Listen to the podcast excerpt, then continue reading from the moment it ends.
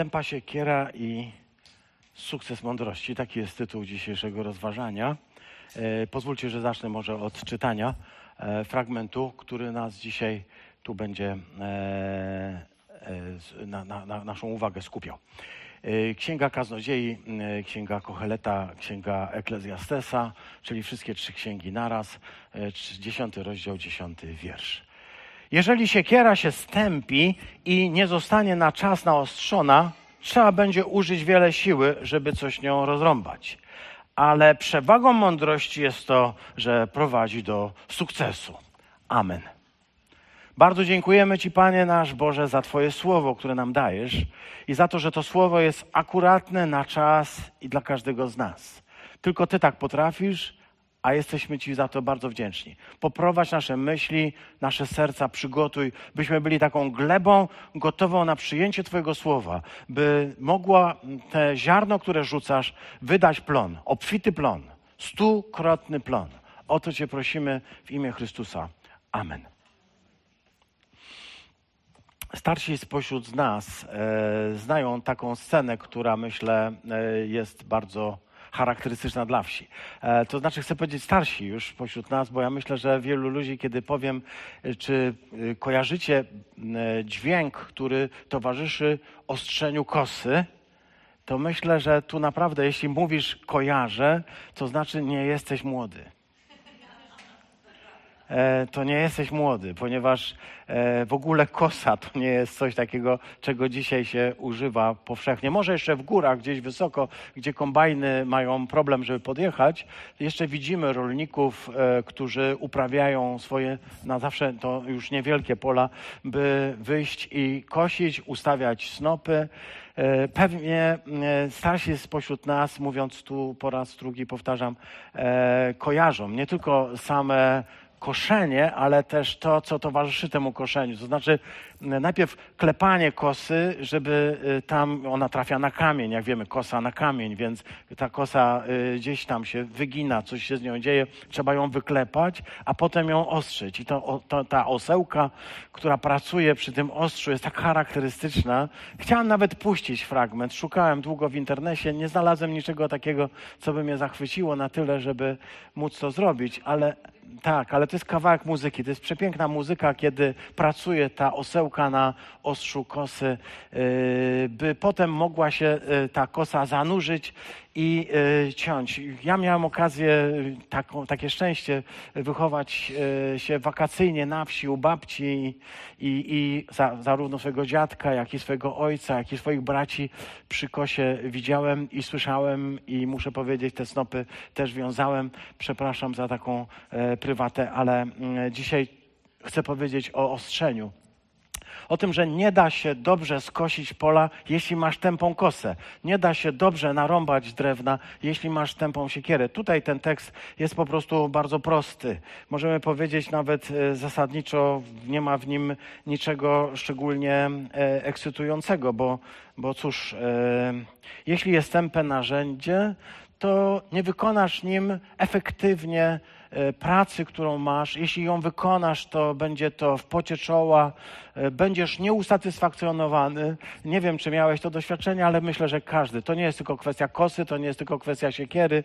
Ja wiem, e, kiedyś e, próbowałem skrobać rybę i powiem szczerze, że e, szło mi strasznie ciężko i pomyślałem sobie, no jak to nie można oskrobać zwykłej ryby? I wtedy wpadłem na taki genialny pomysł, nie wiem, wam się też to pewnie raz na jakiś czas zdarza, że może by naostrzyć nóż. I wiecie, że kiedy się nóż naostrzyło, to yy, oprawianie ryby poszło tak po prostu z płatka. Po prostu naprawdę bardzo ładnie i szybko, efektywnie. Człowiek się aż cieszył przy tej robocie, że to wystarczy naostrzyć i po prostu ciach, ciach i idzie. Natomiast tępym nożem, no cokolwiek zrobić, tak? Tępym nożem kroić chleb, tępym nożem kroić mięso, tak? E, wszystko e, zabiera nam jakąś radość z pracy i, no, i poczucie takie, że coś nam nie idzie, to, to nie jest takie, jak powinno być. Bo narzędzie, które mam w ręku, okazuje się nie takie. I Księga Kaznodziei powiada nam po prostu zwyczajnie, że tempa siekiera wymaga zwiększenia efektywności, siły trzeba włożyć, ale satysfakcji w tym nie ma.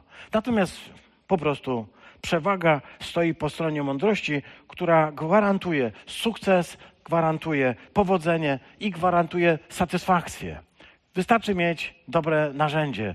I to jest po prostu bardzo prosta prawda, którą znamy wszyscy, rozumiemy, a którą dzisiaj chciałbym przełożyć na język duchowy, jeśli pozwolicie, ale zacznę może od początku. Przypominam, że jesteśmy w cyklu 10.10. Y, e, ten cykl wiąże się z godziną naszych nabożeństw, 10.10 w niedzielę, tak mamy zapisane, dlatego że Jezus powiedział: Ja przyszedłem, aby owce miały życie i to życie w obfitości, i miałbym takie marzenie, żeby taki kubek z takim właśnie logo się pojawił kiedyś u nas na, e, no nie tylko do sprzedaży, ale też po prostu, żebyśmy mogli nim e, się posługiwać, bo by nam przypominał dziesiąta, dziesiąta dziesięć. Ale z tego fragmentu wzięły mi się inne y, myśli, mianowicie no właśnie ta, że, że 10.10, a jak wygląda 10.10 w innych tekstach. I jak przypomnę, y, te rozdziały, wiersze i inne rzeczy, y, to nie jest pomysł autorów biblijnych. Paweł, kiedy pisał list, nie pisał listu w taki sposób, żeby się pojawiały tam 10.10. Generalnie możemy powiedzieć, że rozdziały pojawiły się w średniowieczu, a wiersze nawet na początku okresu nowożytnego, czyli są wtórne i nie zawsze poprawne, i nie zawsze zgodne z takim miejscem, gdzie byśmy je chcieli usy, usytuować. I o tym mówiłem, i myślę, że e, do tego wątku nie będę wracał, ale tydzień temu zwróciłem Waszą uwagę na e, tekst, który mówi o złych oczach. Kto mruży oczy, powoduje cierpienie. Mówiliśmy o złym oku złe oko, które wywołuje e, no, różnego rodzaju konsekwencje. To zawiść, zazdrość, ale to także jakaś e, forma czarów, które niektórzy chcieliby rzucać e, i amuletów. Wspomnieliśmy o amuletach, mówiliśmy, że to nie jest dobry pomysł, by chrześcijanin posługiwał się amuletami, ponieważ prorocy zapowiadali, że posługiwanie się amuletami jest oznaką czarów. A więc nie posługuj się amuletami, nie używaj czarów w żadnej postaci, bo jesteś chrześcijaninem, masz nad sobą jednego Pana, On jest ponad wszystkie moce nieprzyjacielskie i nie musisz posługiwać się ani wstążeczkami, ani horoskopami, ani wróżkami, ani niczym innym. Po prostu Bóg jest Twoim Panem i On gwarantuje, że znajdujesz się w najlepszych rękach we wszechświecie i nikt inny. Bardzo dziękuję za ten entuzjazm, bardzo mi to pomogło. Yy, jeszcze raz może tylko przypomnę, że yy, nie każda wstążeczka na ręku y, musi być amuletem, y, a już o tym wspomniałem tydzień temu. Y, chodzi o to, że jeśli zakładasz, bo myślisz, że ona ma taką moc, to lepiej jej nie używaj. Natomiast jeśli służy jako zdoba twoja, jako kartka, którą sobie zawiązujesz, chcę powiedzieć, to nie jest nic złego. Niektóre sumienia są tak przeczulone, że rzeczywiście znałem takiego człowieka, który przyszedł do mnie z problemem, ponieważ idąc drogą przez las nadeptał niechcąco na skrzyżowane e, gałązki i e, przyszedł, żeby powiedzieć, że on chyba sprofanował krzyż. Bo szedł drogą i nadepnął na krzyż. Na krzyż. Takie leżały dwie gałązki skrzyżowane. Są ludzie, którzy mają takie bardzo wąskie sumienia. Oczywiście nie mówię też o takich, którzy mają sumienia jak wrota do stodoły, że tam wiedzie wóz z sianem i nie zauważy. Jeszcze, jeszcze nie zauważy. Nie. Y, chodzi o pewne przeczulenia. Na przeczulenia też, y, przeczulenia też nie są zdrowe. Nie? Jak ktoś jest przeczulony i na wszystko reaguje od razu, że to jest, y, to też nie daje nam równowagi. Nie wiem, czy, czy rozumiesz. Tak, bo przeczulenia są niebezpieczne, nie? Jesteś po prostu wtedy ciągle takim, mm, a czy Pan Bóg się czasami nie obrazi, bo nadopnąłeś na coś, albo ojej, ja kiedyś miałam jakąś czerwoną wstążeczkę zawiązaną, nie? Może ona zresztą być czarna, jeśli z nią wiążesz cokolwiek. To jest y, amulet. A my wrócimy do y, tekstu, bo właściwie nie do tekstu, tylko może do księgi najpierw, bo przypomnę, że zapowiedziałam, że to jest księga kaznodziei Salomona, ale to jest też księga Kocheleta i księga Eklezjastesa. I teraz pytanie jest, to właściwie czy ja to księga? E, to tak krótko gwoli wyjaśnienia tylko. E, tak trochę szkolnie, trochę dydaktycznie, trochę pedagogicznie, trochę po mojemu, e, że to jest ta sama księga mająca bardzo różne tytuły w waszych, naszych Bibliach. W związku z tym, że dzisiaj już nie jest tak jak kiedyś, że zbór posługiwał się najczęściej Biblią warszawską, gdzie było napisane Księga Kaznodziei Salomona i wtedy było jasno. Ale dzisiaj us, u, u, po, posługujemy się wieloma różnymi wydaniami i to wyda, widać wyraźnie w czwartki na nabożeństwach, kiedy każdy jakiś fragment czyta z innego wydania, a niektórzy mają od razu wszystkie wydania w jednym e, komputerku, w jakimś e, smartfonie, więc mogą czytać to od razu w kilku w kilkunastu wersjach, e, ale tam też tytuł tej księgi może być inny. I chciałbym tylko przypomnieć, że, że właśnie pierwotna i oryginalna e, nazwa tej księgi to księga Koheleta.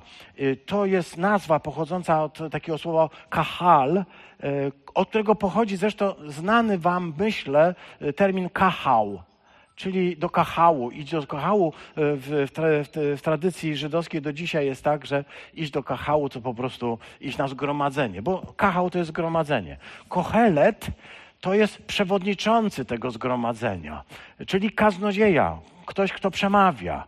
To nie musi być zawsze kaznodzieja, ale ktoś, kto jest organizatorem, tak? Ale my mówimy kaznodzieja i w ten sposób ta księga w języku polskim może nazywać się księgą kaznodziei, jak ktoś chce to kohelet przetłumaczyć. Ale jeśli mamy łacińskie e, tradycje, to tam jest eklezja jako kościół, a eklezjastes jako kościelny tak byśmy powiedzieli, czyli ten, który przemawia w kościele.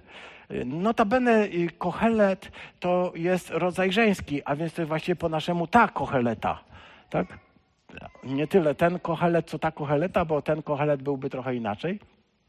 Dlatego nieraz mówię o tej księdze, księga kohelety, a nie koheleta. E, ale to już moja, e, wybaczcie. I to już tyle, żebyśmy wiedzieli, gdzie szukać tego e, w Biblii. Jeśli siekiera się stępi, nie i nie zostanie na czas naostrzona, e, wtedy e, trzeba będzie używać więcej siły, żeby coś rozrąbać. E, to jest tekst, który dzisiaj chcemy sobie po prostu jakoś przybliżyć. Mowa jest tutaj o przewadze mądrości. No, Księga Kaznodziei trochę nam przypomina Księgę Przypowieści Salomona i to jest właściwie jedna taka z przypowieści według tradycji żydowskiej judeo-chrześcijańskiej. Autorem tej księgi jest oczywiście Salomon.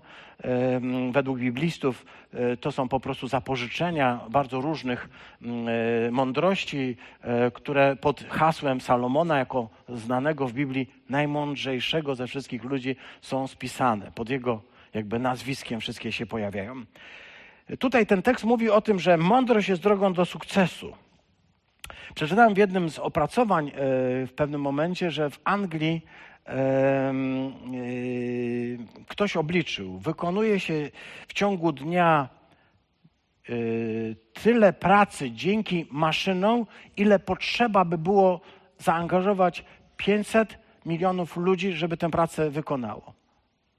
Maszyny zastępują człowieka w różnych miejscach i e, przy pewnej grupie ludzi zwielokrotniają e, sukces, tak? Wiemy, że ten postęp technologiczny, który dzisiaj, którego dzisiaj jesteśmy świadkami, który wiąże się szczególnie z wymyśleniem maszyny parowej przez Jamesa Watta, czyli koniec XVIII wieku, bardzo przyspieszył. Dzisiaj mamy taki postęp geometryczny wręcz, jeśli chodzi o wynalazki, tak? dzięki którym mamy sprawniejsze życie. Właściwie po co dokonujemy takich wynalazków? Platon mówił, że człowiek wymyśla różne rzeczy, żeby mieć więcej czasu na myślenie. Masz pralkę, żeby mieć więcej czasu na to, żebyś sobie mógł żyć. Bo po to właśnie e, ją skonstruowano, żebyś po prostu nie musiał siedzieć, nie musiał czy nie musiała, no zależy, prania też robią nieraz kobiety, przecież nie tylko faceci piorą. E, żebyś nie musiał przecież e, spędzać e, godzin nad rzeką, starką, albo z takim specjalnym kijem do, tak, do, do, do, do tego, by trzepać to pranie. Wyobraź sobie, ile czasu zajęłoby ci dzisiaj przepieranie wszystkich rzeczy w domu. Gdyby nie twoja pralka, twoja ulubiona frania, cokolwiek to jest teraz, to chyba to nie jest frania. Ja się zatrzymałem na no, trochę e, postęp, jeśli chodzi o automatykę, tak.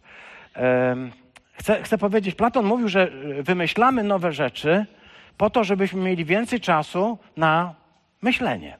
Na to, co najbardziej Platon lubi, czyli na filozofowanie. wrzucasz rzeczy do pralki i nie musisz najbliższych kilku godzin spędzić na e, praniu. Pamiętasz, jak było wcześniej? Mówię tutaj do ludzi, którzy y, pamiętają kosę. Pamiętasz, jak to było wcześniej? Szło się do pralni, gotowało się w pralni. E, pamiętam, mama robiła w ten sposób, że gotowała e, jakąś zupę, już wiedziałam, co się będzie działo. Zupa na trzy dni gotowana, ponieważ trzeba było jednego dnia gotować. Pamiętam, z ojcem później trzeba było to wszystko, ona wyrzymała, potem rozwieszała.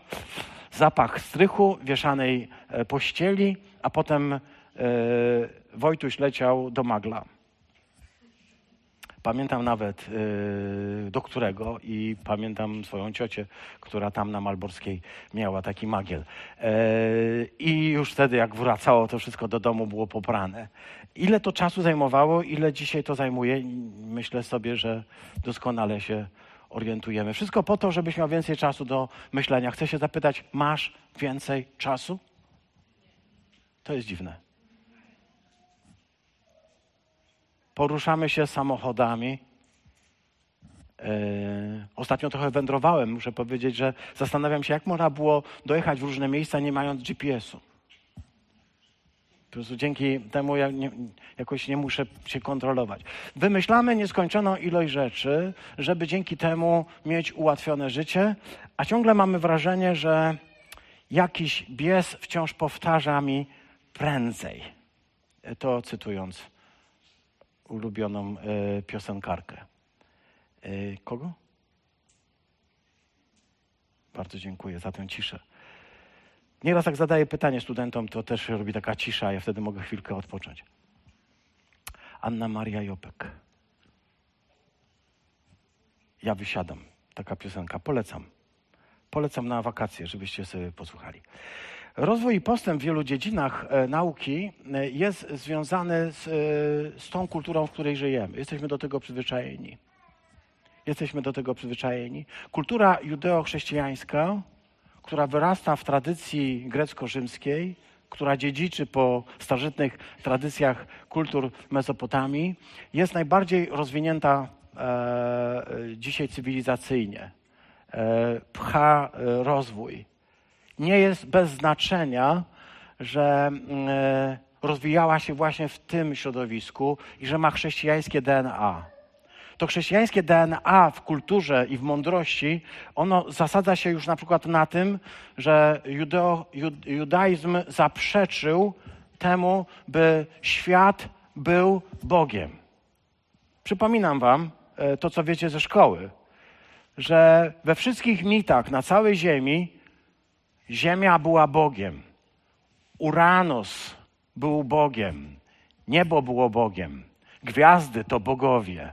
Rzeki to bogowie. Góry i pagórki to bogowie. Lasy były nie tylko zamieszkane przez bogów, nimf i inne stworzenia, ale to były boskie rzeczy. Judaizm wniósł coś wyjątkowego. Pokazał, że to wszystko to są rzeczy stworzone przez Boga, a nie są Bogiem. To była zupełna, e, zupełna rewolucja w całym świecie. Bo w całym świecie wszyscy wierzyli, że to, są, że to są istoty boskie. Judaizm wprowadził zupełnie nową, e, nowy, nową jakość, nowy sposób patrzenia na świat. Pozwolił rozwijać się nauce, tak byśmy mogli to powiedzieć, a chrześcijaństwo to dziedziczy. E, również w ten sposób na przykład, że kompletnie zaprzeczyło, żeby Bogiem była władza na przykład. W całym świecie, gdy się chrześcijaństwo rodziło, cesarz uważany był za Boga. Tak jak dzisiaj w Korei Północnej, w innych miejsc, krajach, gdzie jest autorytarne rządy, gdzie władzę się traktuje jak Boga, jak boską, w tym sensie, że to jest po prostu Bóg, że te, nasi bracia, nasze siostry ginęły za to, że nie chciały powiedzieć że cesarz jest Bogiem. A wystarczyło powiedzieć, że cesarz jest Bogiem, żeby uratować swoją rodzinę. Ale nasi bracia ginęli i giną za to, że chcą powiedzieć, nie ma innego Boga, jak tylko jeden Bóg na niebie, jak tylko jeden Pan, który żyje, który przy, przyszedł i przyjdzie, jak jeden duch. Nie ma innego Boga, jest jeden Bóg. Ginęli za to, że nie godzili się na to, by dzielić pewne rzeczy kulturowo i dzisiaj wiemy, że mieli rację. Że jeśli ktoś domaga się yy, boskiej czci, to to jest opętaniec, to to jest e, człowiek, który powinien wylądować e, na oddziale, oddziale psychiatrycznym, bo to po prostu jest e, katastrofa. Ja chcę powiedzieć coś, co wydaje mi się dość ważne, mianowicie, że mm, postęp technologiczny, postęp cywilizacyjny, nauka i sztuka świetnie się rozwijają w chrześcijaństwie. Jeśli ktoś chciałby porozmawiać o tym, bo mógłby powiedzieć, że wiesz, chrześcijaństwo było też hamulcowym w wielu rzeczach, to chcę powiedzieć, e, że oczywiście znamy takie przykłady, ale one e, nie e, przeczą zasadzie, według której mówią tak mądrzy, e, że od każdej zasady są wyjątki. Oczywiście były takie epoki, w których chrześcijaństwo mogło stać na straży, chrześcijaństwo lub pseudo-chrześcijaństwo na straży jakichś tam e, teorii, które są mm, fatalne i tutaj, i które są niezgodne z nauką. Ja chcę tylko powiedzieć tak, nie ma żadnej niezgodności między nauką a wiarą.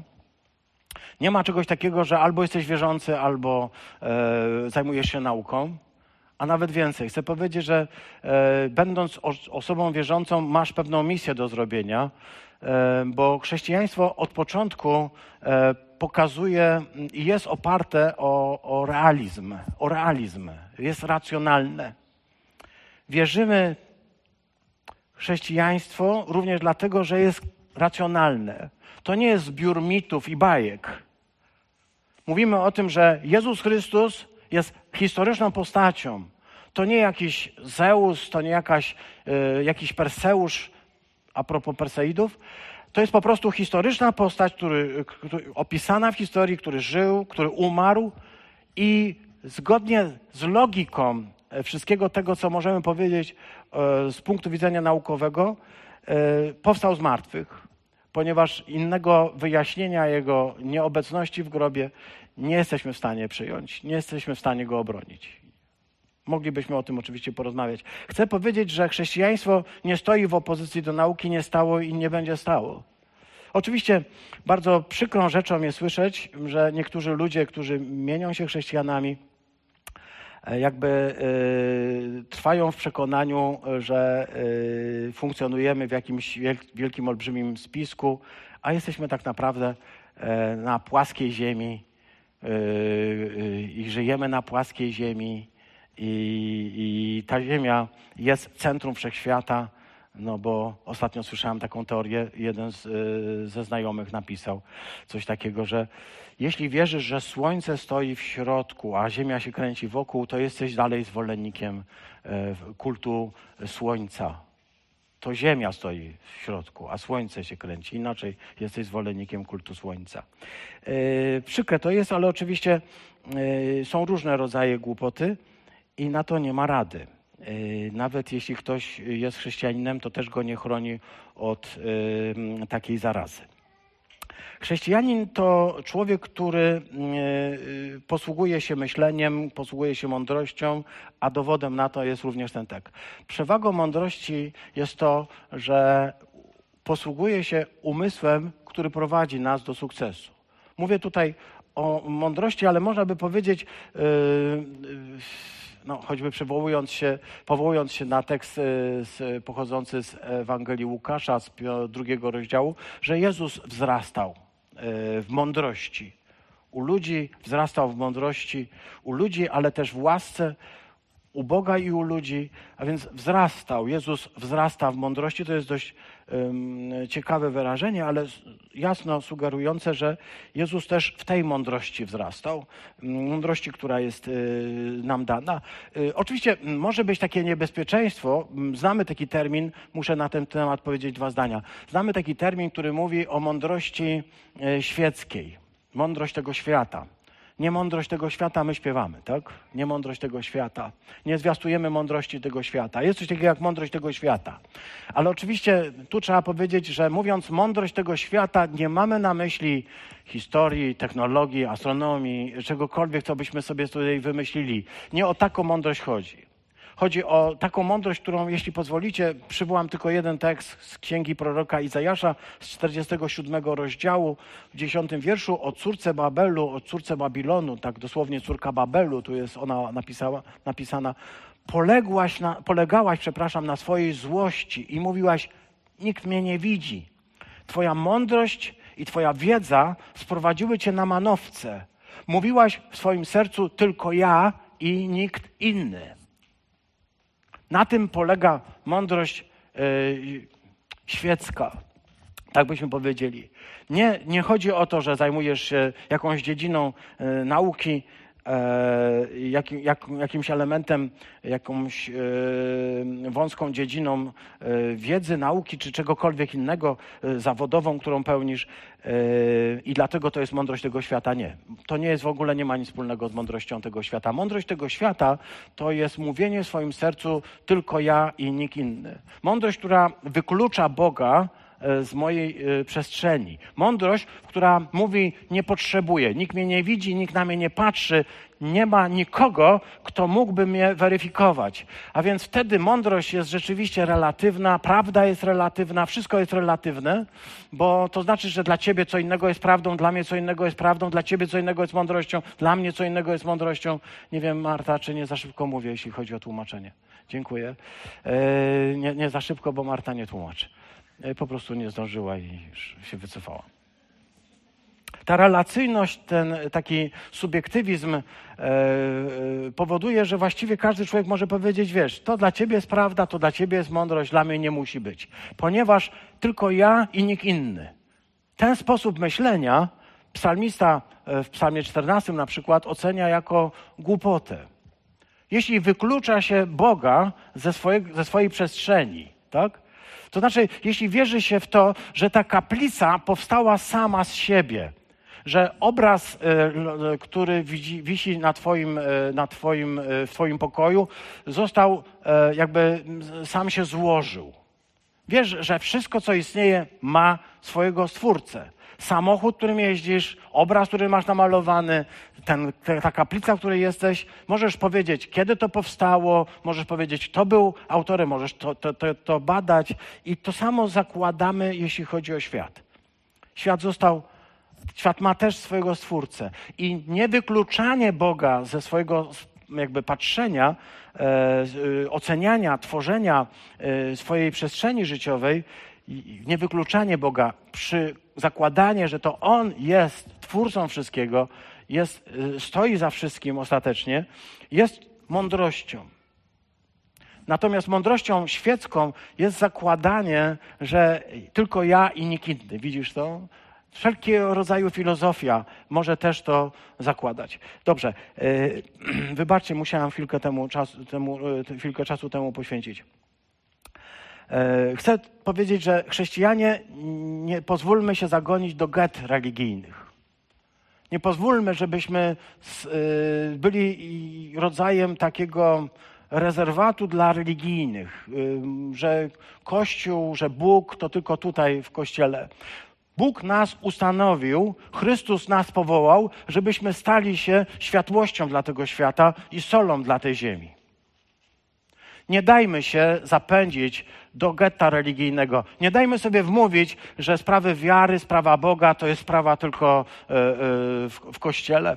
Pozwólmy, żebyśmy w każdej dziedzinie życia, w której jesteśmy, czy jesteś, czy zajmuje się, e, nie wiem, pracą zawodową w jakiejkolwiek dziedzinie, czy pracą naukową, czy pracą w obszarze kultury, żebyś w te obszary wnosił wartości, które wiążą się z Ewangelią. W każdej dziedzinie życia, w każdej dziedzinie aktywności, w każdym e, pojęciu zawodu możesz stać się kimś, kto wnosi nowe standardy, takie, które wiążą się z chrześcijaństwem, bo do tego zostaliśmy powołani. I tak będziemy przemieniać oblicze tego świata. Głęboko jesteśmy w to co do tego przekonani. Zostaliśmy powołani, aby w każdej dziedzinie aktywności, która jest przyzwoita, oczywiście chcę tutaj dodać, jesteśmy e, powołani do tego, żeby wnieść tam sól, żeby wnieść tam światło, żeby wnosić tam Ewangelię. I nie oddawajmy żadnej dziedziny kultury, żadnej dziedziny aktywności w ręce ludzi y, innych, mówiąc, że chrześcijanin to ma się skupić wyłącznie tylko na tym, by e, innym mówić o Chrystusie. Nie, chrześcijanin ma się skupić na tym, by wszystko to, co robił, wszystko to, co robił, robił dla Pana. I to, co robi w kościele, i to, co robi w pracy, i to, co robi w domu. W każdej dziedzinie niech króluje Boża mądrość, niech króluje wszechmogący w każdej dziedzinie naszego życia. I to będzie prawdziwe, prawdziwe życie. I teraz w taki sposób czytamy ten tekst. Ten tekst, który e, wiąże mi się trochę z Księgą Powtórzonego Prawa, szóstym rozdziałem. Wszyscy, którzy znacie Biblię, wiecie doskonale, że Księga Powtórzonego Prawa, szósty rozdział, jest e, miejscem, którym czytamy pierwsze i najważniejsze przykazanie. Kiedy zapytano Chrystusa, które przykazanie jest najważniejsze, to on powiedział Shema Izrael, Adonai Lohenu, Adonai Ehad, y, czyli słuchaj Izraelu, Pan jest Twoim Bogiem, Pan jest naszym Bogiem, Pan jedyny. I dalej, będziesz miłował Pana Boga swego z całego swojego serca, z całej swojej duszy, z całej swojej siły. Żaden Bóg, żaden, e, żadna istota boska, którą znamy z, całej, z całego religioznawstwa, jak możemy sięgać od wschodu do zachodu, od północy do południa, nie podała takiego przykazania. Będziesz miłował swojego Boga. Grecy nie wymagali, e, żeby miłować ich bogów. Rzymianie tego nie robili, ani e, Hindusi nie robią. Nie trzeba kochać swoich bogów. Ale tutaj czytamy z całego serca, z całej duszy, z całej siły. Chcę się Was zapytać, czy możemy powiedzieć na to Amen? Będziesz miłował, będziesz kochał swojego Boga. Będziesz kochał Go nie częścią swojej duszy, nie trochę, nie ciut, ale z całego serca, z całej duszy, z całej siły, z całej myśli, ze wszystkich własnych i, yy, możliwości. Niech pozostaną te słowa, które ja Ci dziś przekazałem, mówi tutaj dalej Księga Powtórzonego Prawa, niech one zostają w Twoim sercu. I to jest bardzo ważne. Niech one zostają. Niech będą utrwalone. Powtarzaj je. Dlatego w tradycji żydowskiej szema, odmawianie szema jest obowiązkiem każdego Izraelity. Jest obowiązkiem każdego Izraelity, ale jest też obowiązkiem każdego z nas. Byśmy sobie ciągle przypominali, że podstawowym przykazaniem, na którym opiera się cały zakon, całe prawo, cała Tora, i wszystkie przykazania, które znajdujemy w Biblii, opierają się na tym. Kochaj Pana Boga z całego serca, z całej myśli, ze wszystkich swoich sił. Jeśli to będziesz robił, to będziesz także kochał bliźniego, który będzie obok ciebie. Bo nie można kochać, mówi Jan, Boga, którego się nie widzi, jeśli się nie kocha człowieka, którego się widzi. Ten człowiek jest rodzajem takiej, e, takiego papierka lakmusowego. Czy rzeczywiście kochasz Boga? Jeśli nienawidzisz ludzi, a twoje usta są pełne mówienia o tym, jaki Bóg jest cudowny, jak go kochasz, jesteś obłudnikiem. Jesteś, nie, nie rozumiesz Ewangelii. Bo Ewangelia mówi jasno, jeśli będziesz kochał Boga całym sercem i z całej duszy, to będziesz także traktował drugiego człowieka z najgłębszą e, godnością i szacunkiem. Ponieważ człowiek został stworzony na ten obraz. I to jest właśnie to, co wnosi judaizm i co e, dalej wskazuje e, chrześcijaństwo. Ale używa tutaj także tego słowa wpajaj to swoim synom, wpajaj to swoim dzieciom, mów do nich, mów e, o, mów o, o tym wszystkim. Mów im w swoim domu, w drodze, kładąc się spać, wstając, przywiąż to jako znak. Niech to widzą. Niech widzą, że jesteś utożsamiony z tym. Niech nie będzie tak, że ty jedno mówisz, a drugie robisz. Niech nie będzie tak, że twoje dzieci patrząc na twoje życie powiedzą ojciec, matka, co, co wy tutaj wyrabiacie w kościele pobożni, a tutaj poza tym jesteście po prostu jedną wielką chodzącą tragedią. Bo to jest, to jest straszne. Więc sam sobie to przywiąż, sam sobie to wbij do serca, trzymaj tego i wpajaj to swoim synom. Ciekawa rzecz, że tu jest powiedziane w swoim domu, w swojej drodze, kładąc się, wstając się, w każdej możliwości. Co rób? Wpajaj. Pamiętacie to słowo wpajaj? Muszę je przypomnieć, e, bośmy to rozważali. To znaczy ostrz. Tu jest nawet taki tekst Księgi Powtórzonego 32 e, rozdziału Powtórzonego Prawa, kiedy jest napisane, kiedy na ostrze, tam jest użyte to słowo szanon, kiedy na ostrze mój błyszczący miecz, a więc ostrzenie miecza, nauka jako ostrzenie, wyostrze, wy, wyostrzenie y, postrzegania, jakbyśmy to powiedzieli. Ale to chodzi o coś jeszcze więcej. Nie tylko chodzi o to, żebyś miał wyostrzony, wyostrzone zmysły, ale żeby, mm, wiesz, bo nieraz mm, mm, wydaje się, że wychowanie polega na y, kiju. Nie? Bierzesz kij i lejesz, aż tak wyglądało kiedyś, nie? Po prostu ćwiczyć, aż wreszcie będziesz powtarzał. Y, kto to pamięta, znaczy, że jest bardzo stary. Ćwiczenie poprzez używanie kija. Tutaj jest o czymś innym mowa. Tu chodzi o to, żeby nie używać kija, a używać miecza. Jeszcze lepiej. Żeby tym mieczem trafiać prosto w serce. I tu od razu mamy metaforę, tak? Nie chodzi o to, żeby wiedza zamknęła się na skórze, na siniakach, na razach, ale żeby wiedza trafiała do serca. I tutaj jest e, najważniejsza lekcja dla wszystkich rodziców, nauczycieli, pedagogów, wszystkich tych, którzy y, zajmują się y, dziećmi. Masz tak wykładać, tak prowadzić, tak uczyć, tak wychowywać, żeby ta wiedza, żeby to wychowanie, żeby ta chrześcijańska Ewangelia mogła trafić w serce. Nie zatrzymać się na skórze i tylko, za, e, żebyśmy nie reagowali jak ten e, pies Pawłowa, także e, nie, nie można czegoś robić, tylko żeby trafić w serce. Bo wiemy, że jeśli Ewangelia trafi w serce, to trafi we właściwe miejsce. Tam jest jej miejsce. Miejscem Ewangelii jest trafić w serce. Bóg chce trafić w serce, dlatego używa tutaj słowa nie kijem, ale mieczem. Wyostrz. Wpajaj, ale wpajaj w takim znaczeniu, żebyś trafiał w serce. Tak, by rozpalić e, emocje, rozpalić umysł, rozpalić człowieka, e, rozpalić e, wiarę, rozpalić e, miłość do Boga. Tak, to jest to wpajaj. To jest bardzo ważne. Ostrze, wyostrzone, e, czyli głęboko wnikać w serce. Y, to są te metafory, które oznaczą, y, że robić to pilnie, robić to gorliwie, tak? To wpajaj. Y, to jest jakaś staranność, to jest jakaś pracowitość, to jest jakieś takie powtarzanie. Wpajaj to, wpajaj to, wpajaj. Niech to trafi prosto w serce. No i tutaj może takie zdanie, które mówi, no wracając do kaznodziei, kto rąbie drzewo, może się skalczyć, to wiersz dziewiąty, poprzedzający ten dziesiąty, a ten dziesiąty mówi, jeśli siekiera się stępi, nie zostanie na czas naostrzona, to trzeba będzie użyć wiele siły. Tutaj dlaczego to warto przywołać z tym dziewiątym, bo nie ma użytego słowa siekiera w oryginale. Jest użyte słowo żelazo. Jeśli żelazo się stępi i nie zostanie na czas naostrzone, wtedy będziesz miał problem przy robieniu czymkolwiek, ale tłumacze, tłumaczą najczęściej siekiera, ponieważ w wierszu dziewiątym jest powiedziane właśnie to, że kto e, drzewo e, rąbie. E, chcę, chcę powiedzieć coś na ten temat. Dwa zdania na temat ostrzenia, tak? Nie tracisz czasu, gdy ostrzysz.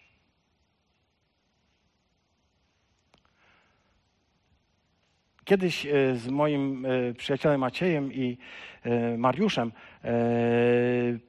pierwszy, drugi raz y, może wylądowaliśmy na Bukowcu. Jego tata Macieja miał y, Omegę, y, taki jachcik mały, bardzo fajny.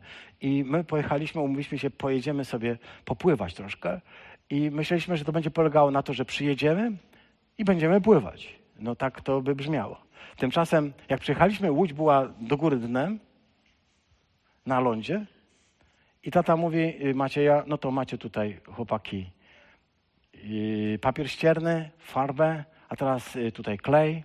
Teraz trzeba to wszystko najpierw wygładzić, wszystko wyczyścić, zaszpachlować, poczekać, zażywicować, pomalować.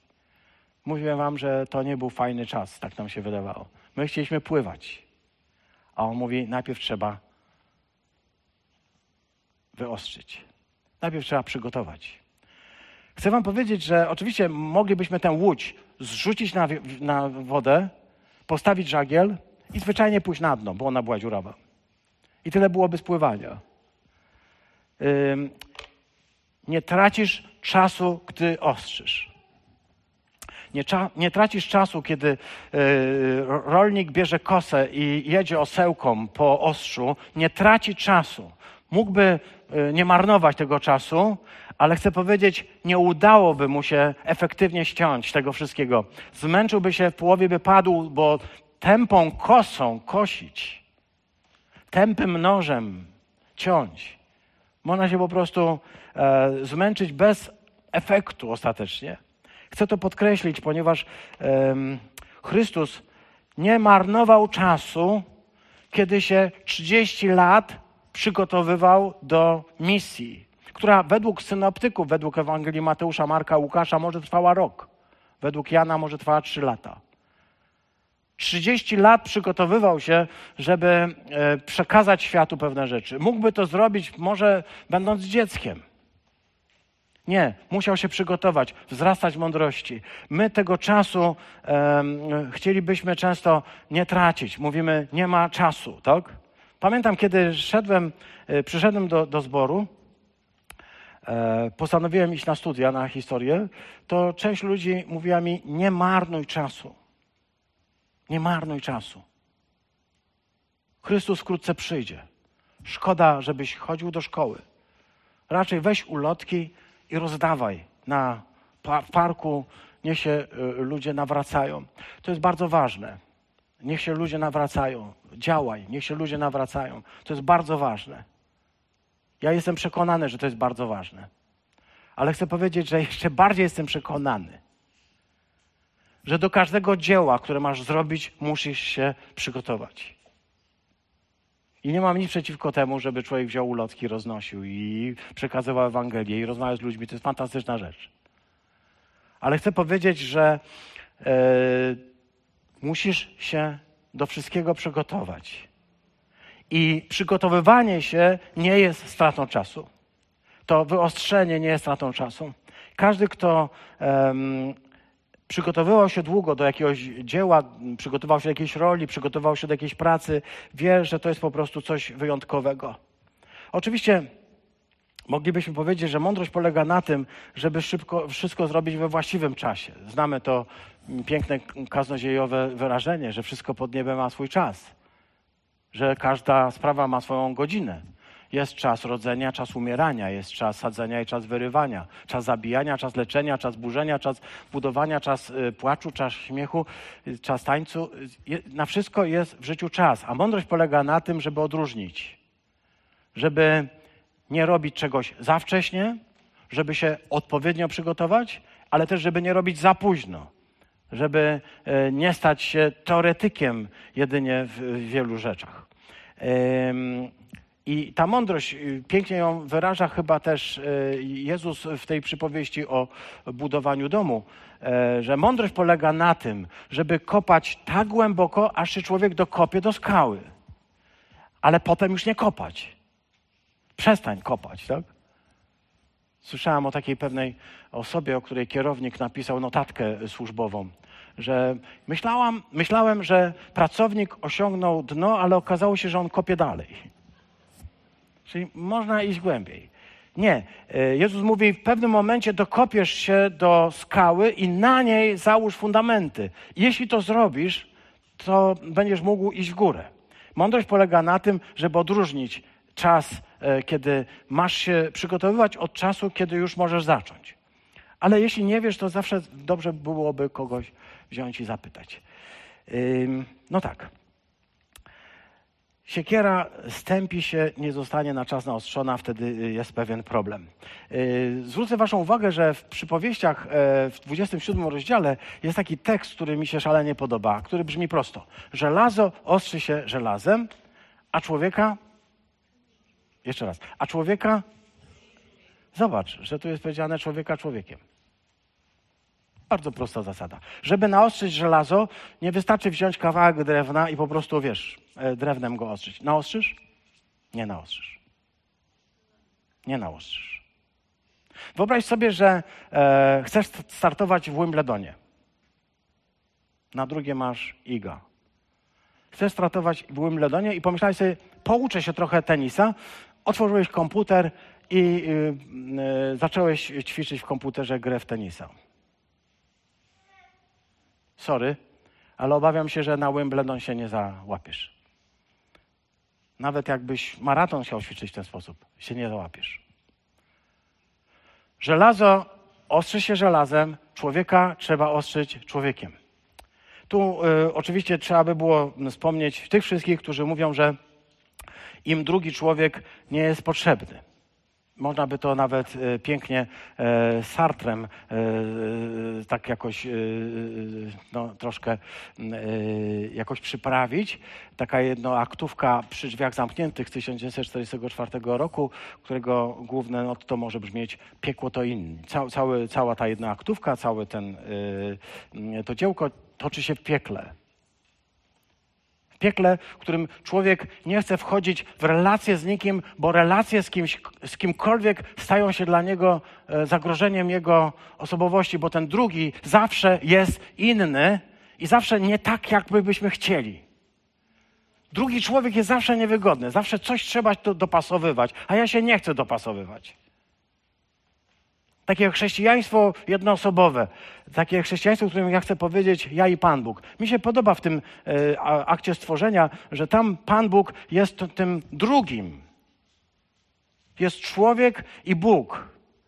I kiedy ta relacja człowiek i Bóg jest, wydaje się, idealna, to Bóg mówi, niedobrze jest, jak człowiek jest sam.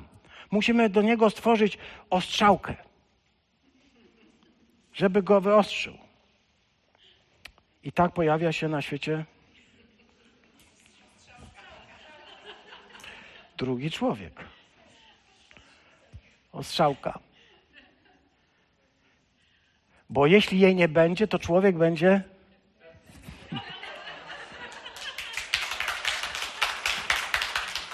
Potrzebujesz ostrzałki, żeby nie być tępy. Potrzebujesz, myślałem Marcin, że rękę podnosisz, ale nie, tylko poprawiasz. Potrzebujesz, żeby nie zardzewieć. Potrzebujesz, żeby nie stał się to eksponatem muzealnym. Nie ma chrześcijaństwa w pojedynkę, nie wierzcie w to. Jak ktoś wam mówi, że on nie potrzebuje kościoła, to przez niego przemawia pycha, ponieważ on wierzy w to, co tutaj jest napisane. Piekło to inni. Ponieważ doświadczył od innych zranień, doświadczył od innych różnych przykrych rzeczy. Ale chcę powiedzieć, że jeśli używasz ostrzałki do noża, to nie po to, żeby nóż był ładny, tylko że był ostry.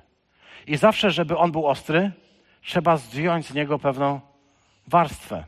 Wiesz, na tym polega ostrzenie. Zawsze trzeba trochę zdjąć y, pewną warstwę. I jeśli kiedyś zdarzyło ci się y, widzieć taki nóż, którym często był ostrzony, to wiesz, że on się robi coraz bardziej wąski, nietępy, cienki, nietępy. Coraz mniej go jest, ponieważ jest ostrzony wręcz iskry idą. Chcę powiedzieć, to może brzmi w ten sposób, żeby mnie było coraz mniej, tak? Żeby mnie było coraz mniej, żeby jego było coraz więcej. Musimy być wyostrzeni. Wyostrzeni, by trafiać, by realizować to, co mamy. Człowieka ostrzy się drugim człowiekiem. Nie ma innego sposobu. Nie chcę powiedzieć, że yy, trudno, ale chcę powiedzieć, yy, że każdy z nas doświadcza to jako pewien proces, który nie zawsze jest piękny, a nieraz przypomina to zdanie Sartra. To zdanie Sartra, które wynika z jego y, koncepcji y, funkcjonowania tylko w, w relacji do drugiego człowieka bez uwzględnienia Chrystusa. To z Chrystusem możesz stać się człowiekiem, który przejdzie do, do, innego poziomu. To tutaj możesz czytać coś takiego, baczmy jedni na drugich w celu pobudzania się do miłości, do dobrych uczynków i nie opuszczajmy wspólnych zgromadzeń, bo one są nam potrzebne. Baczmy na siebie. Y, bądźmy dla siebie nawzajem ostrzałką. Ostrzmy się nawzajem, tak? W tym sensie stawajmy się e, doskonałym narzędziem. Ale z drugiej strony, jeśli trafiasz na trudny egzemplarz, który cię ostrzy, to wiedz, że może to jest taki obszar, w którym musisz być wyostrzony. Najczęściej buntujemy się mówimy, nie, ona mnie denerwuje. Ilu z Was miało e, do czynienia w pracy z ludźmi, którzy doprowadzali Was po prostu do łez, albo do szewskiej pasji, albo do czego, co tam masz? Kto z Was miał kogoś takiego w pracy? Nie widzę nikogo, kto nie miał. Nawet jak ręki nie podniosłaś, Mariolka. musiałaby podnieść wszystkie cztery kończyny, mówi. Tak, e, każdy z nas ma takie doświadczenie, bo rzeczywiście to nie jest e, proste, ale dzisiaj się popatrz na to w ten sposób. To są ostrzałki. One coś temperują w tobie. Jesteś wściekły, wracasz e, zapłakana, myślisz sobie, nigdy więcej tam nie pójdę, ale to wszystko służy pewnemu celowi, który dzisiaj możemy opisać jednym słowem tajemnica. Zamykamy. Czas nas y, strasznie pogonił. Wybaczcie. Wrócę ostatecznie, jeszcze raz popatrzę na ten tekst. Jeżeli siekiera się stępi, a nie będzie ostrzałki, to życie stanie się bardzo trudne albo niemożliwe. Nie zrobisz tego, co masz do zrobienia. Nie zrealizujesz powołania, które zostało dla ciebie stworzone.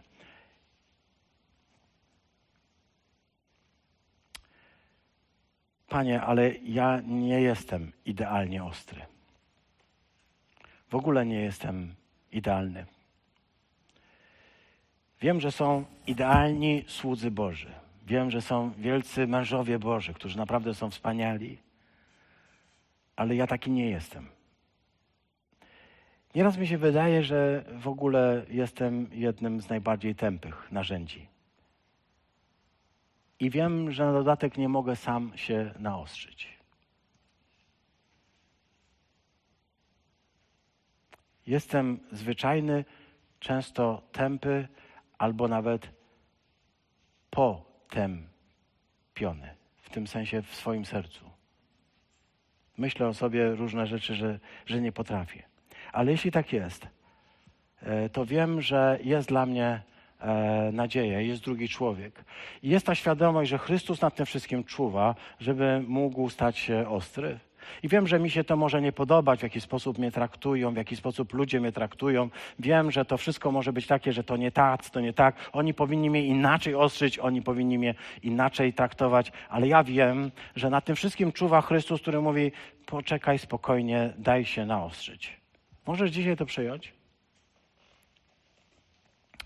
Potrzebuję łaski, by uwierzyć, że y, to mi wystarcza. I mówi Paweł, Panie, tyle razy się modliłem, żeby to było mi odjęte. On mówi, a właśnie to ci jest potrzebne, żeby cię wyostrzyć. Żebyś nie myślał o sobie, że jesteś samowystarczalny, że jesteś taki genialny Paweł, że jesteś taki genialny człowiek, że jesteś taką genialną osobą. Nie, potrzebujesz drugiego, który będzie cię ostrzył. Nawet jeśli twierdzisz, że to boli, tak.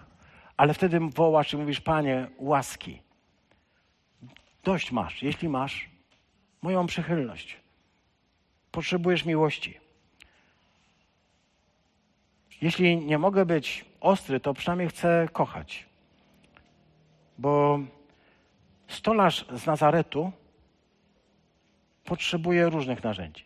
Ostrych dłut i hebla. To się struk mówi chyba po polsku. Ale też zupełnie tępych młotków też potrzebuje. Wiecie, jak to stolarz. Więc jeśli jesteś nie ostry, to może też do czegoś jesteś potrzebny, żeby kogoś wyostrzyć.